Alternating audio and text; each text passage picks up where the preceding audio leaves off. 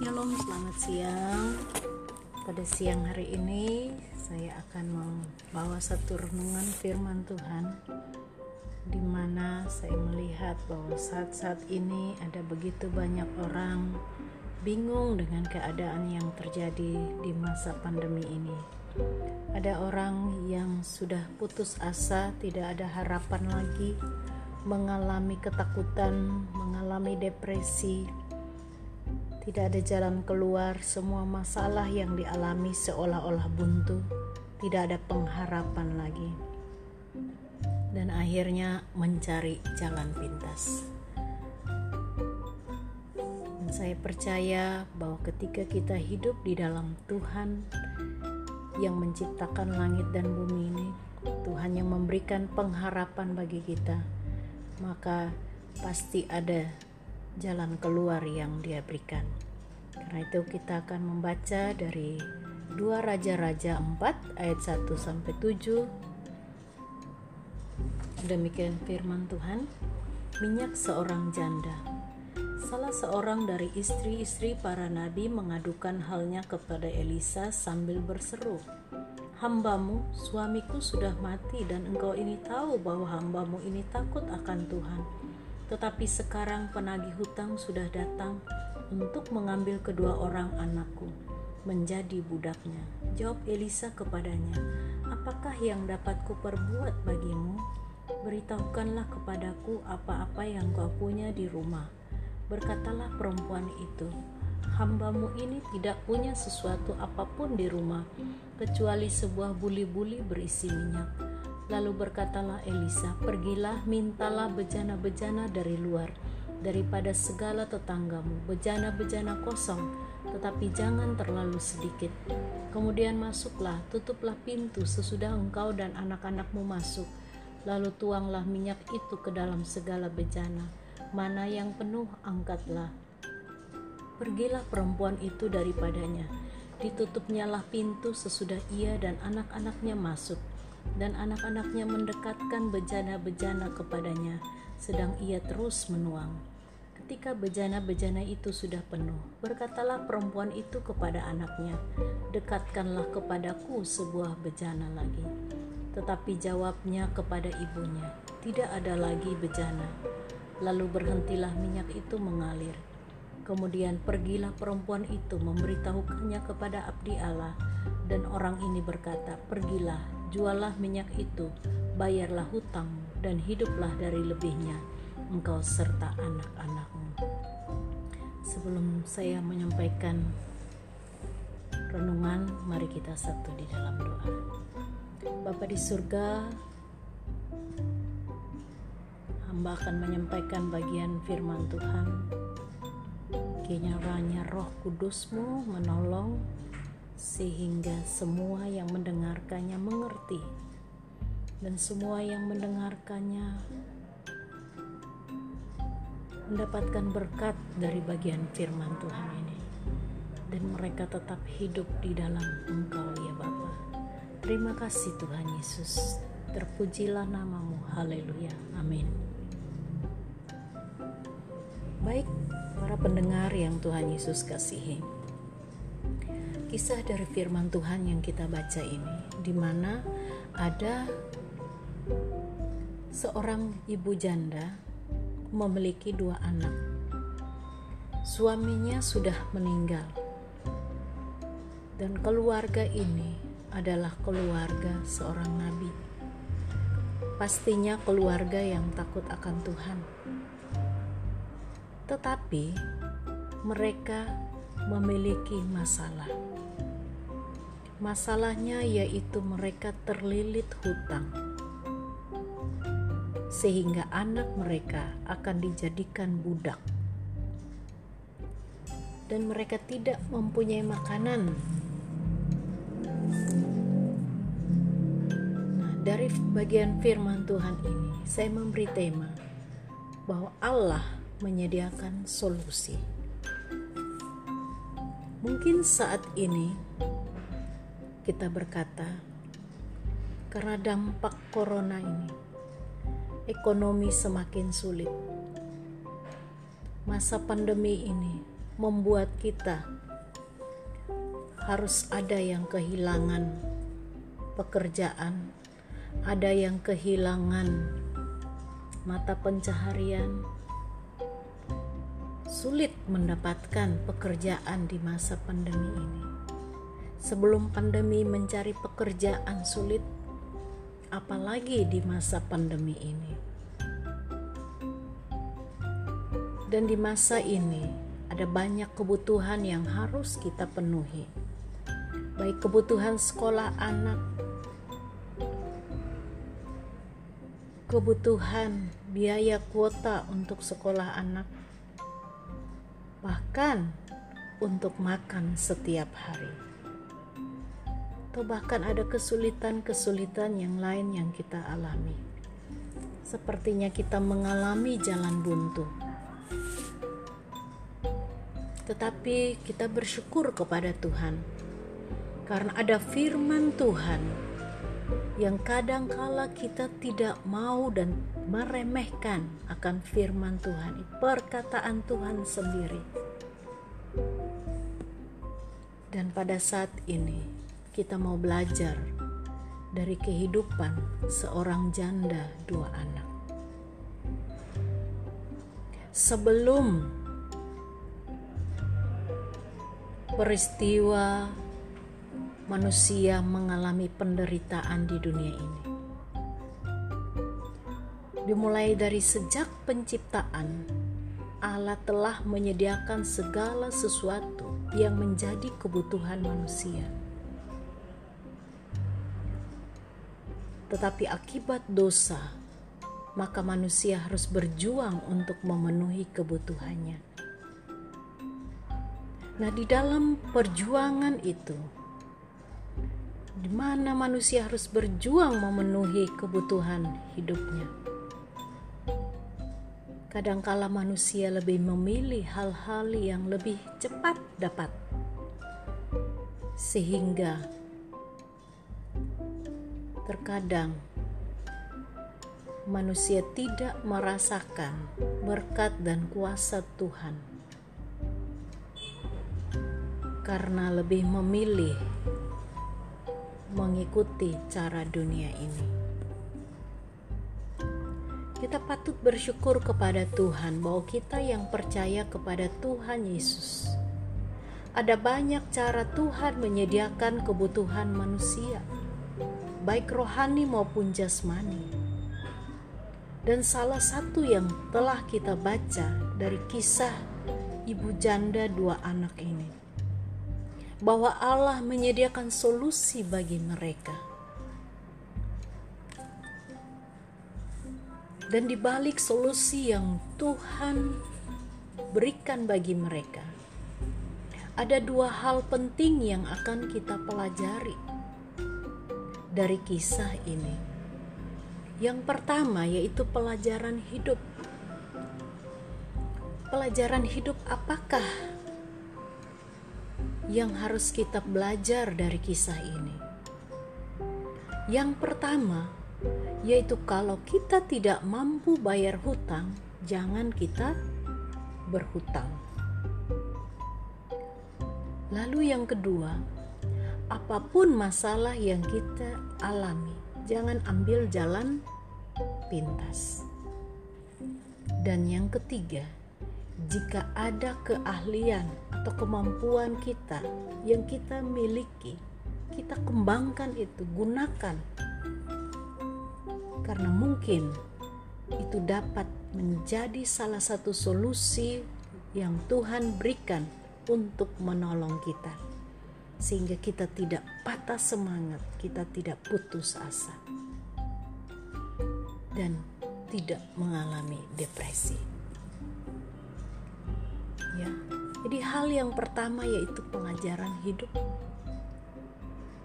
Lalu hal yang kedua yang kita pelajari dari bagian kisah minyak seorang janda ini yaitu tindakan rohani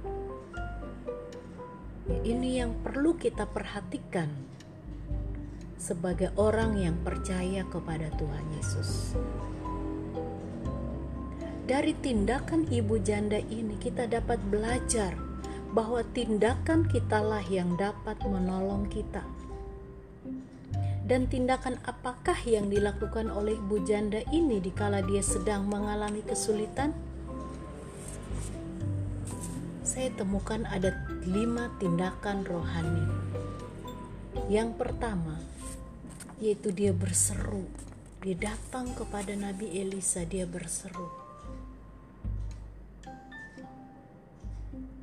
Dia berkatakan, hambamu, suamiku sudah mati dan engkau ini tahu bahwa hambamu ini takut akan Tuhan. Tetapi sekarang penagih hutang sudah datang untuk mengambil kedua orang anakku menjadi budakmu. Di sini kita belajar bahwa ibu janda ini dia datang kepada hamba Tuhan, dia berseru, ketika dia datang berseru kepada Nabi Elisa, apakah Nabi Elisa diam saja? Tidak. Nabi Elisa respon apa yang dia serukan.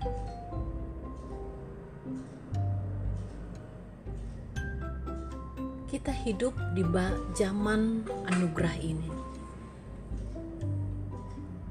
Tuhan memberikan kepada kita hak istimewa untuk kita datang berseru langsung kepada Dia tanpa perantara hamba-hamba Tuhan ataupun juga yang lain. Tuhan langsung mau mendengar ketika kita datang berseru kepada Dia. Nah, dalam Alkitab ada banyak pertolongan Tuhan terjadi karena kita berseru, karena berseru kepada Tuhan. Kita baca di dalam Injil banyak kisah ketika ada orang buta orang berseru kepada Tuhan dan Tuhan mendengar. Bahkan di dalam perjanjian lama pun ketika raja ataupun nabi berseru kepada Tuhan. Ketika di dalam bahaya, bahkan di ambang kematian seperti di Raja Hizkia alami, dia berseru berdoa kepada Tuhan dan Tuhan sembuhkan.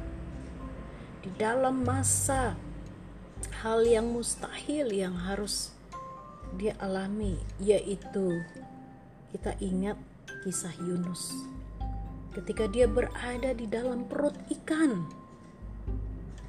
Dia berdoa, dia berseru, dan Tuhan mendengar doanya. Nah, kalaupun mereka bisa mengalami pertolongan Tuhan, saya yakin kita pun ketika kita datang berseru kepada Tuhan, sungguh-sungguh berseru kepada Tuhan, bukan berseru kepada yang lain, saudara, teman, orang tua, ataupun mungkin kita datang ke para dukun paranormal. Oh, itu sudah lain lagi itu. Tetapi kita datang berseru kepada Tuhan. Berdoalah ketika dalam situasi sulit berdoalah dengan tidak jemu-jemu. Berdoalah dengan memuliakan Tuhan. Ya, jadi tindakan rohani yang harus kita alam lakukan ketika kita mengalami jalan buntu yaitu kita berseru kepada Tuhan. Berdoa minta Tuhan tolong kita. Saya yakin ada damai sejahtera yang Tuhan berikan ketika kita berseru kepada Dia. Tetapi kalau kita berseru kepada orang sekitar kita, bukan damai sejahtera yang kita alami, tetapi permasalahan baru yang akan kita alami. Itu hal yang pertama, yaitu pelajaran rohani yang pertama, yaitu kita berdoa kepada Tuhan. Lalu yang kedua, belajar dari kisah ini yaitu janda dua anak ini dia jujur yang kedua jujur Dia mengatakan apa sebenarnya yang dia alami. Ketika Nabi Elisa bertanya kepadanya, "Apakah yang dapat kuperbuat bagimu?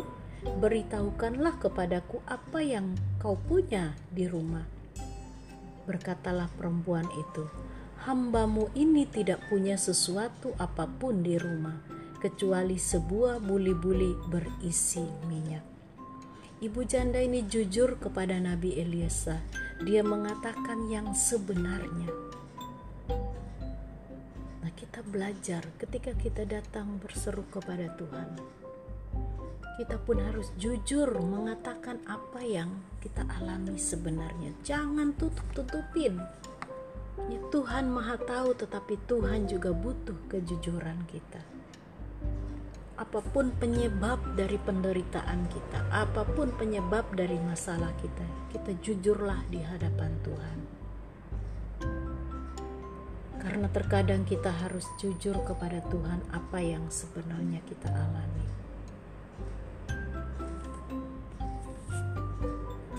Dalam Alkitab banyak menuliskan bahwa orang jujur itu disukai dan diberkati Tuhan. Jadi kenapa orang kita harus jujur? Karena berkat orang jujur itu banyak.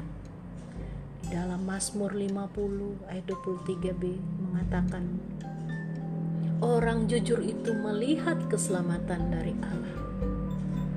Dan di dalam Mazmur 140 orang jujur ada bersama dengan Tuhan.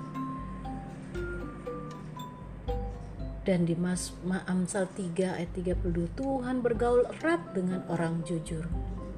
Dan masih di Amsal 10 juga katakan orang jujur adalah sumber kehidupan. Kita ingat kisah dari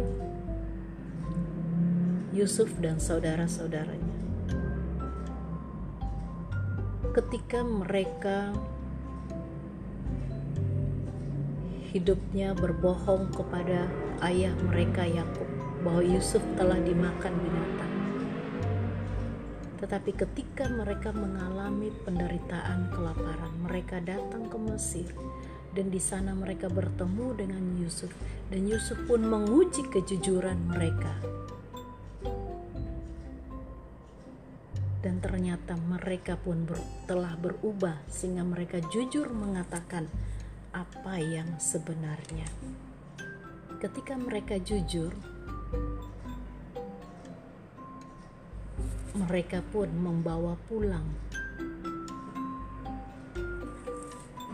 makanan yang Yusuf berikan bagi mereka. Jadi ketika kita datang kepada Tuhan, kita berdoa, berseru kepada Tuhan, kita pun harus jujur kepada Tuhan. Kalau bisa mengaku dosa, mengakulah dosa kita. Lalu yang ketiga, pelajaran rohani yang ketiga dari kisah ini yaitu taat, ketaatan. Ayat yang ketiga sampai ayat yang kelima.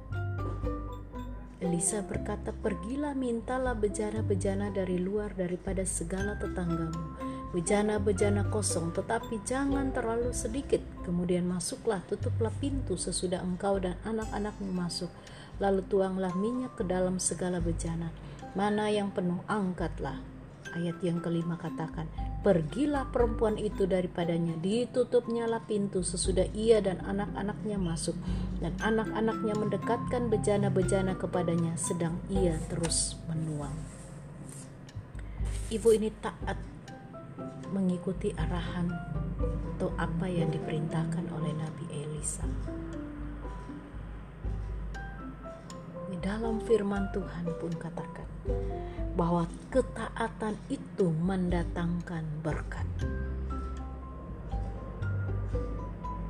Tetapi sayang, ada banyak orang yang tidak suka dengan ketaatan karena merasa kebebasan kita di, dibatasi.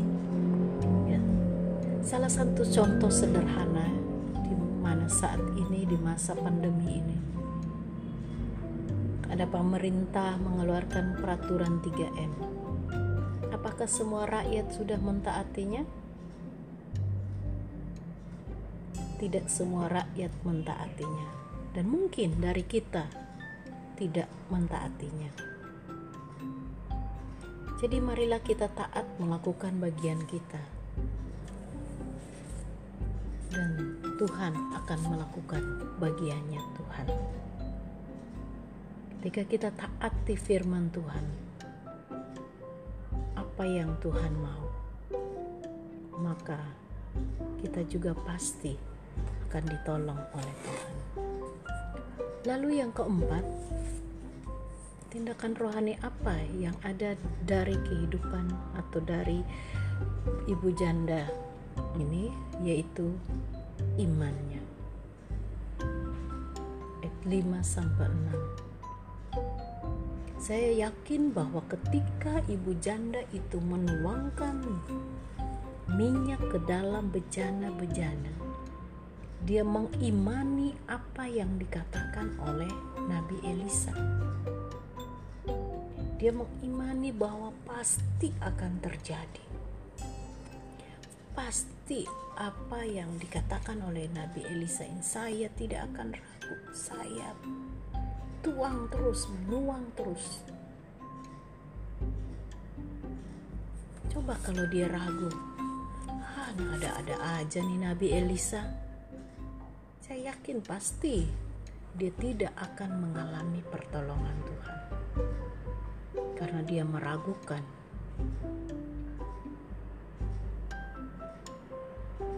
Tetapi dia menuang ketika sedang menuang, dia tetap berharap kepada Tuhan bahwa apa yang dikatakan oleh Nabi Elisa pasti terjadi. Dia tidak bimbang, dia tidak khawatir, dia tidak bersungut-sungut sebelum semuanya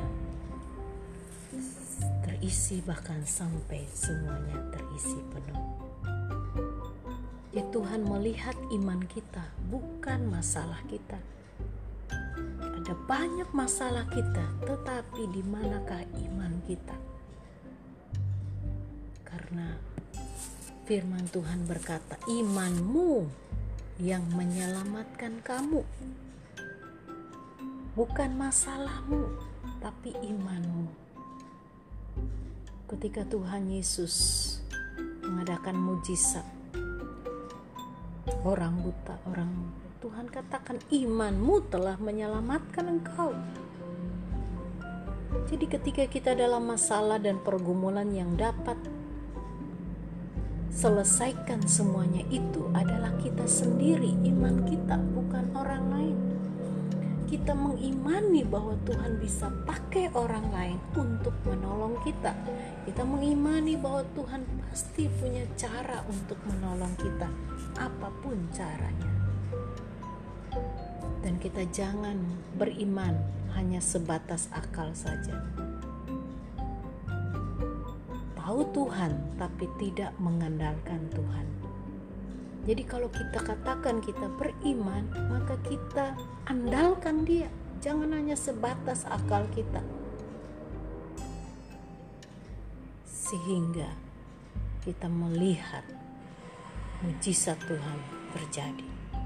Ya, mari mengandalkan Tuhan dan yakini bahwa dia Tuhan yang dapat menolong kita. Dan yang terakhir, yang kelima, yaitu respon pada janji Tuhan. Respon pada janji Tuhan. Ketika kita meresponi janji Tuhan, yes Tuhan, saya percaya, saya imani bahwa janjimu pasti terjadi. Maka kita akan mengalami dan merasakan berkat Tuhan yang berlimpah.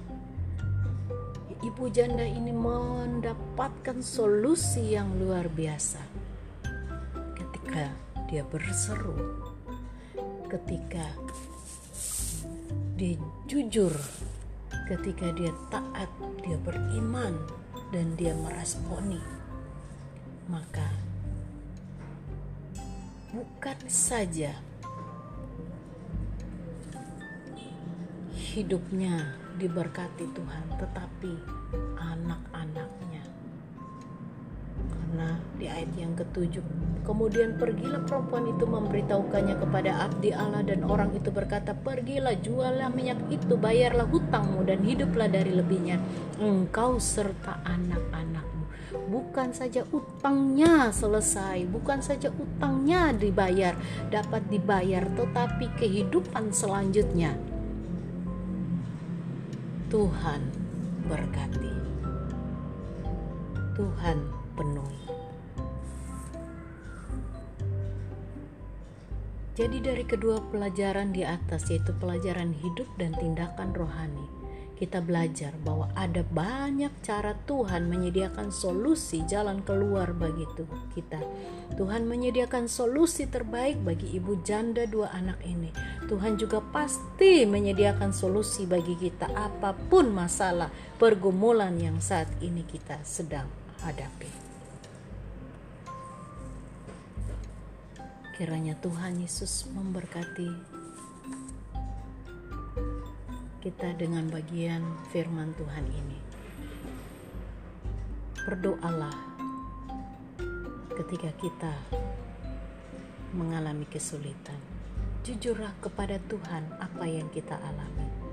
Taatlah firman Tuhan dan percayalah bahwa Tuhan Yesus yang dapat menolong kita dan kita meresponi janji-janji firman-Nya. Kita berdoa, Bapa di surga terima kasih Tuhan, hamba telah selesai menyampaikan renungan firman kiranya roh kudus yang menolong memberkati sehingga setiap pendengar pun diberkati dan mereka pun boleh terus percaya bahwa ada Tuhan yang hidup yang sanggup menolong mereka terpujilah namamu Bapa dalam nama Tuhan Yesus Kristus Amin. Tuhan Yesus memberkati kita semua.